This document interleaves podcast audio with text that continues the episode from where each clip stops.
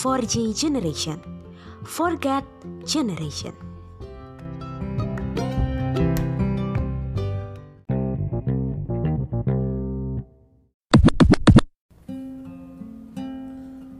Shalom teman-teman 4G di mana pun kalian berada saat ini Saya mengucap syukur kita semua diberikan berkat oleh Tuhan, anugerah oleh Tuhan Mari sebelum kita mau sama-sama menyanyikan sebuah pujian dan mendengarkan renungan firman Tuhan Ada satu ayat yang saya ambil dari 1 Korintus pasal yang ke-10 dan yang ke-13 berkata demikian Pencobaan-pencobaan yang kamu alami ialah pencobaan-pencobaan biasa yang tidak melebihi kekuatan manusia. Sebab Allah setia dan karena itu ia tidak akan membiarkan kamu dicobai melampaui kekuatanmu. Pada waktu kamu dicobai, ia akan memberikan kepadamu jalan keluar sehingga kamu dapat menanggungnya. Teman-teman, mari kita sama-sama nyanyikan lagu Yesus kekuatan.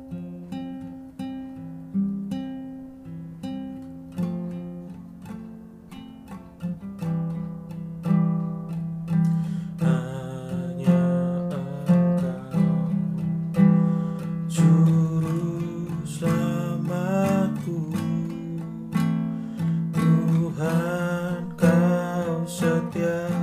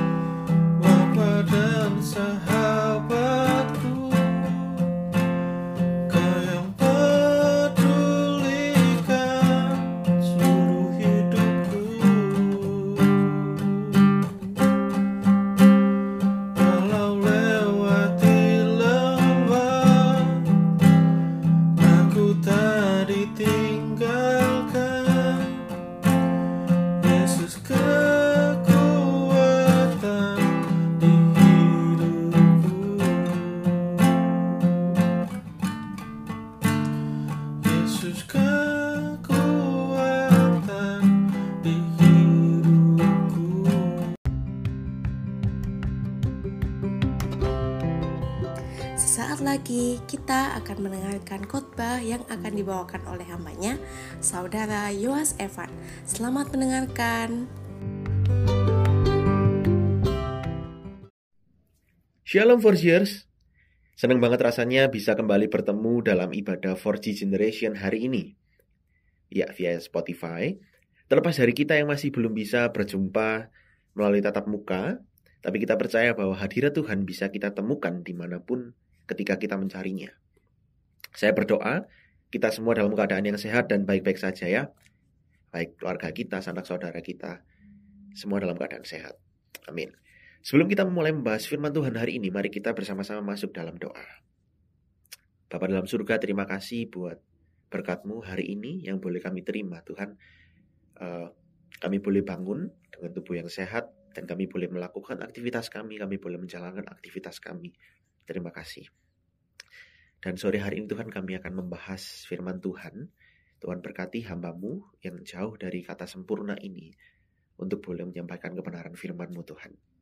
Biarlah apa yang sudah persiapkan ini semua menjadi isi hatimu bagi setiap kami untuk kami boleh mengerti Tuhan. Terima kasih Tuhan, terima kasih kami serahkan dalam tanganmu Bapa dalam nama Tuhan Yesus. Amin. Oke baik, tema hari ini bagi teman-teman yang sudah tahu ya, atau masih belum tahu adalah unlimited access atau diterjemahkan ya kalau diterjemahkan akses tidak terbatas. Hah? Gitu kan. Apa itu gitu kan? Kok unlimited segala? Wifi atau internet atau apa? Oke, bukan ya. Bukan. Kita tidak akan membahas internet dan lain sebagainya itu. Kita akan bahas sama-sama. Jadi eh, beri saya waktu sekitar 20 menit ke depan untuk kita boleh belajar sama-sama. Oke, firman Tuhan hari ini sesuai bacaan Alkitab Bible Challenge 4G hari ini. Bagi teman-teman yang belum membaca atau sudah membaca, it's okay. Kita akan baca sama-sama lagi ya. Di dalam Ibrani 10 ayat pertama sampai dengan yang kelima. Kalau hari ini Bible Challenge-nya ayat yang ke pertama sampai 10 dan uh, firman hari ini hanya ayat 1 sampai ayat yang kelima. Jadi teman-teman juga uh, teman-teman juga bisa ambil Alkitabnya buat kita baca bersama-sama. Judul judulnya adalah persembahan yang sempurna. Ibrani 10 ayat yang pertama, di dalam hukum Taurat hanya terdapat bayangan saja dari keselamatan yang akan datang dan bukan hakikat dari keselamatan itu sendiri. Karena itu dengan korban yang sama yang setiap tahun terus-menerus dipersembahkan, Hukum Taurat tidak mungkin menyempurnakan mereka yang datang mengambil bagian di dalamnya. Ayat yang kedua, sebab jika hal itu mungkin, pasti orang tidak mempersembahkan korban lagi. Sebab mereka yang melakukan ibadah itu tidak sadar lagi akan dosa setelah disucikan sekali untuk selamanya. Wow. Ayat yang ketiga, tetapi justru oleh korban-korban itu, setiap tahun orang diperingatkan akan adanya dosa. Sebab tidak mungkin darah lembu jantan atau darah domba jantan menghapuskan dosa. Ayat yang kelima. Karena itu ketika ia masuk ke dunia, ia berkata, Kurban dan persembahan tidak engkau kehendaki, tapi engkau telah menyediakan tubuh bagiku. Terus apa maksudnya gitu kan? Oke, sebelum melangkah lebih jauh, eh, bagi teman-teman yang ikut komsel kemarin, sudah dijelaskan tentang keseluruhan atau gambaran tentang kitab Ibrani. Jadi dari sejarahnya, penulisnya, ditujukan kepada siapa, tujuan ditulisnya apa, sudah dijelaskan. So, teman-teman yang masih belum tergabung dalam Komsel, saya sarankan untuk kita boleh sama-sama ikut dan kita boleh banyak belajar di sana. Saya akan membagikan secara singkat aja apa yang saya dapatkan kemarin. Jadi untuk kita bisa paling tidak mengerti sedikit tentang kitab Ibrani ini gitu ya. Jadi pada bagian awal kitab Ibrani terdapat pembukaan yang singkat, diikuti empat bagian.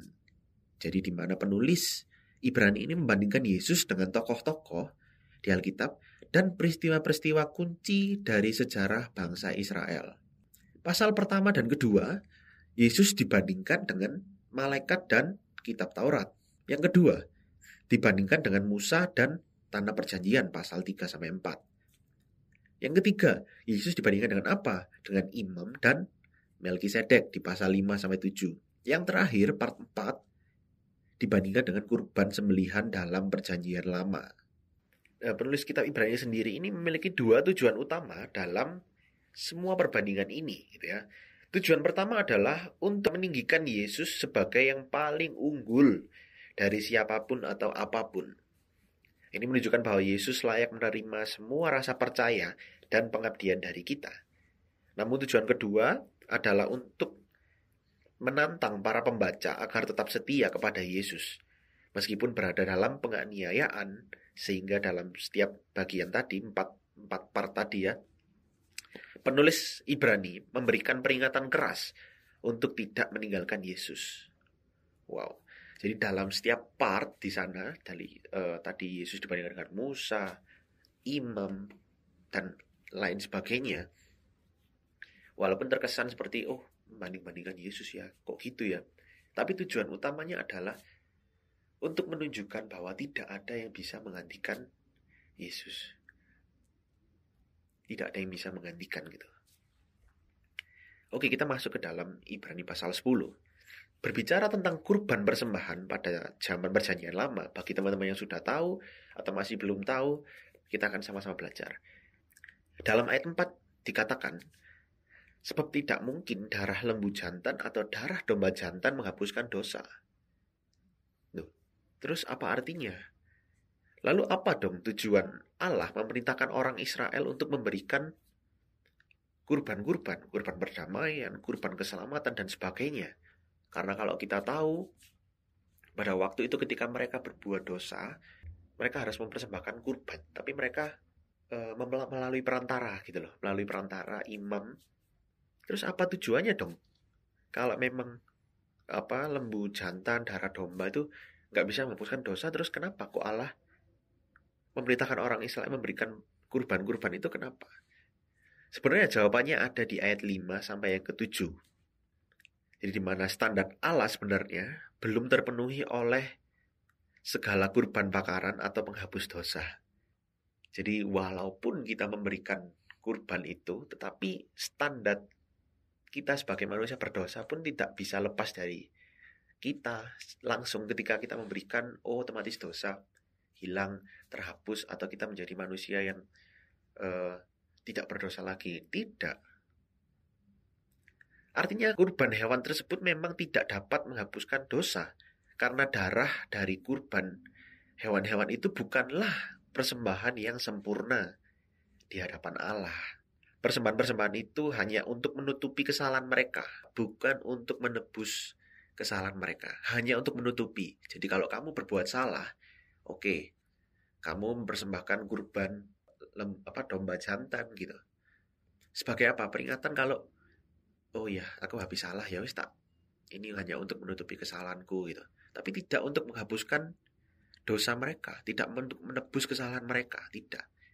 Apa yang Allah kehendaki adalah pengorbanan darah Kristus di ayat yang kelima.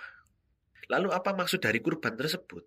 E, maksud dari kurban tersebut ada di ayat yang ketiga, yaitu kurban tersebut secara terus-menerus adalah untuk mengingatkan orang Israel akan dosa mereka. Dan untuk pengampunan dosa ini perlu penumpahan darah.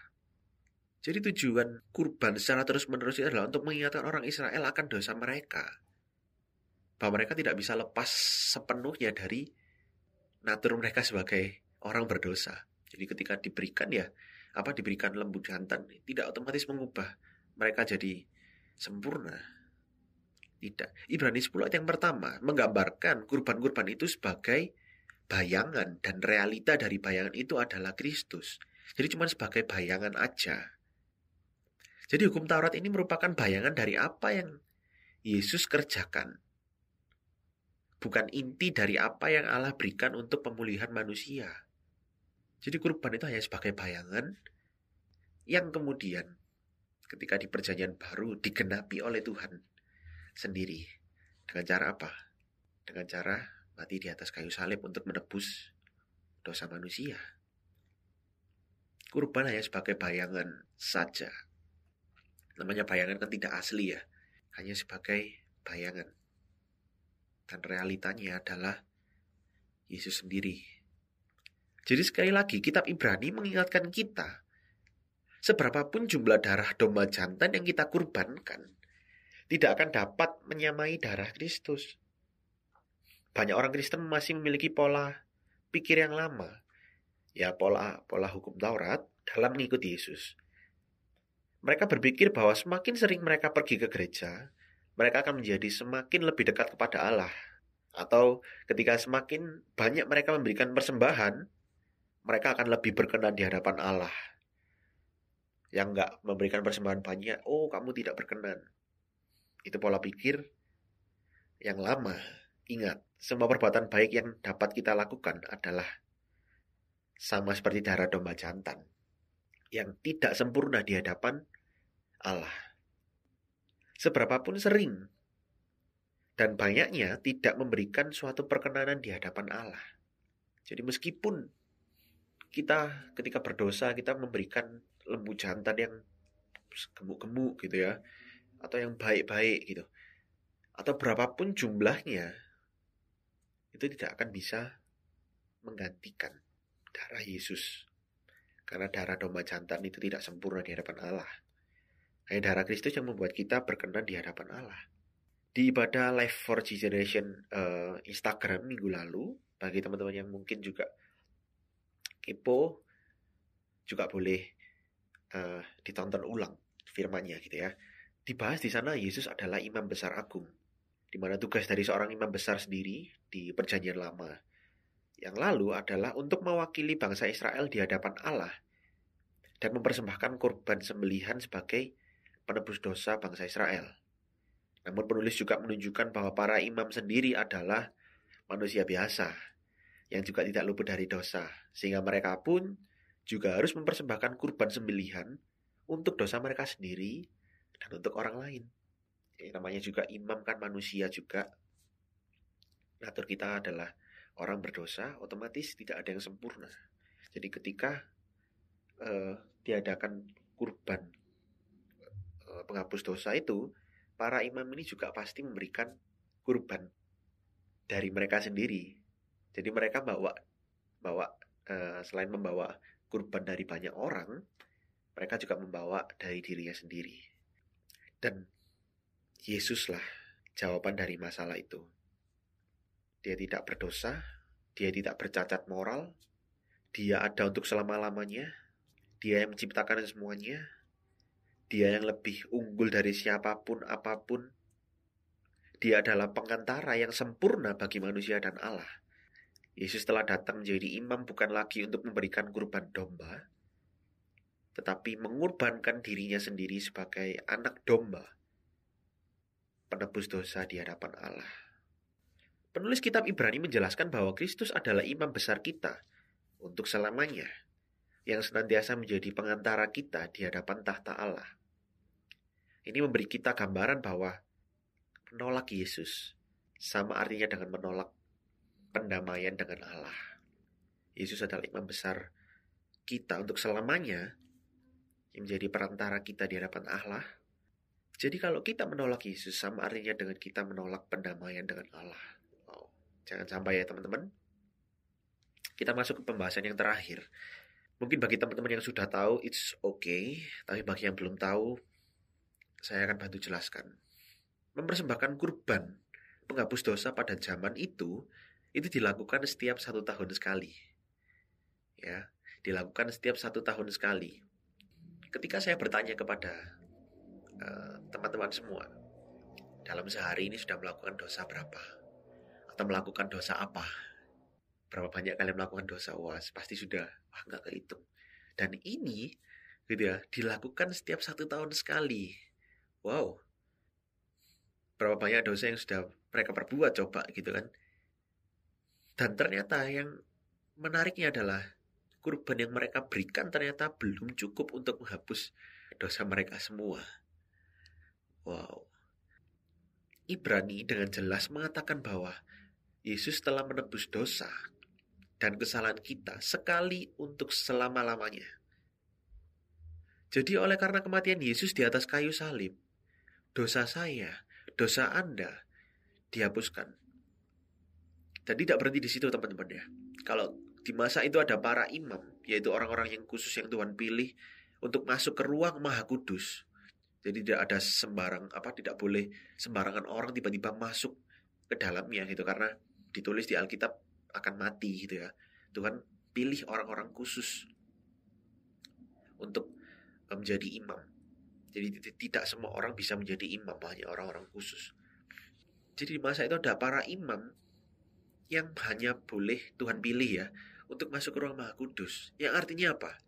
Limited access, aksesnya terbatas. Untuk mau ketemu Tuhan harus Iya, kalau dulu kita mau ketemu Tuhan, kita harus lewat orang lain dulu. Kita nggak bisa langsung tiba-tiba, oke aku mau masuk, tiba-tiba masuk. Kita yang meninggal.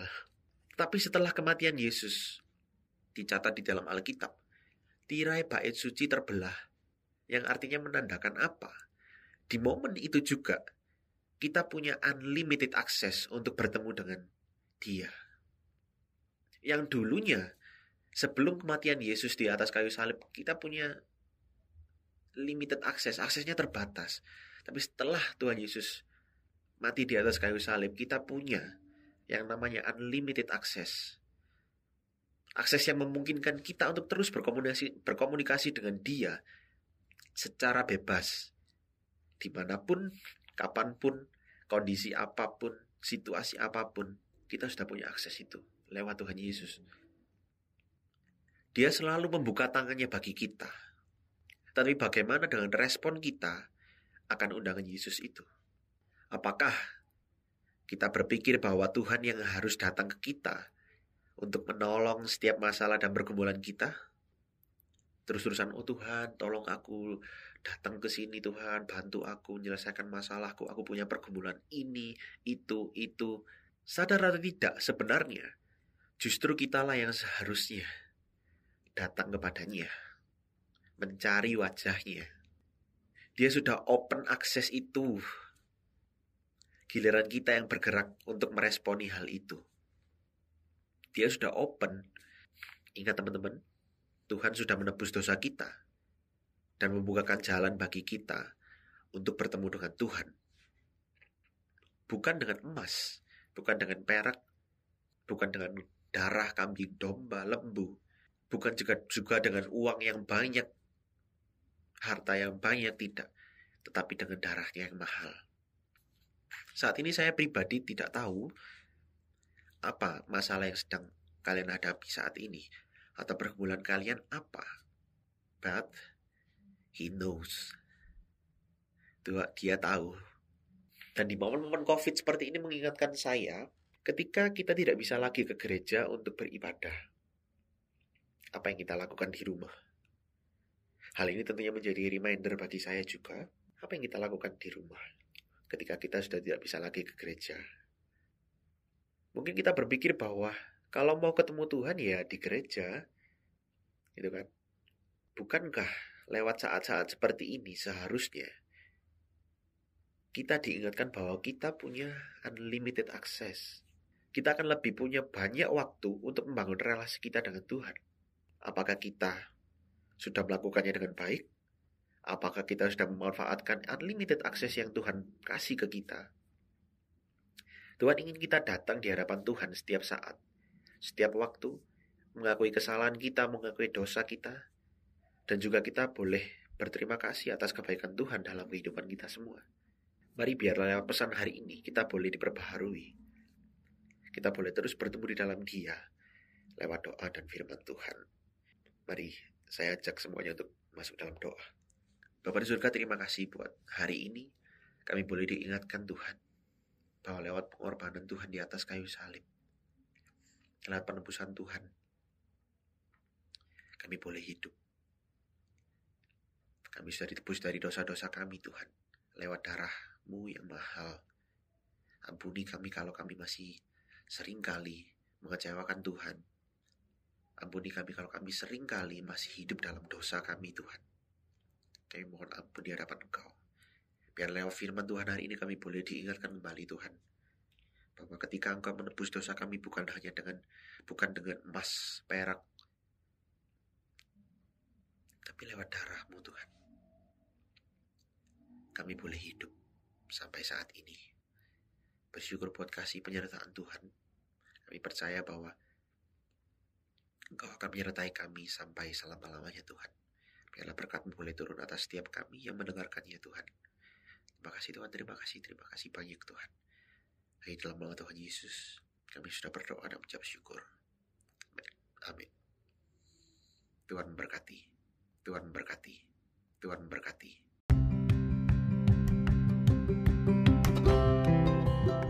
4G Generation, kamu baru saja mendengarkan Unlimited Access yang dibawakan oleh Yoas Evan. Dalam renungan kali ini, kita diingatkan bahwa kita mempunyai akses tidak terbatas untuk berbicara, berhubungan, dan bersekutu dengan Tuhan. Kita tidak perlu melakukan ritual-ritual yang dulu dilakukan untuk menemui Tuhan yang perlu kita lakukan hanyalah masuk ke dalam ruangan, berdoa, dan menyatakan permohonan. Bahkan, kita bisa bercerita kepada Tuhan. Pada masa seperti ini, walau saat ini kita belum bisa beribadah dengan normal di gereja, tetap ingat bahwa di mana pun kita berada, kita selalu bisa bersama Tuhan dan berbicara kepada Tuhan. Tetap baca Alkitab hariannya ya teman-teman jaga kesehatan, dan sampai jumpa di ibadah online berikutnya. Tuhan Yesus memberkati. Forg Generation. Forget Generation.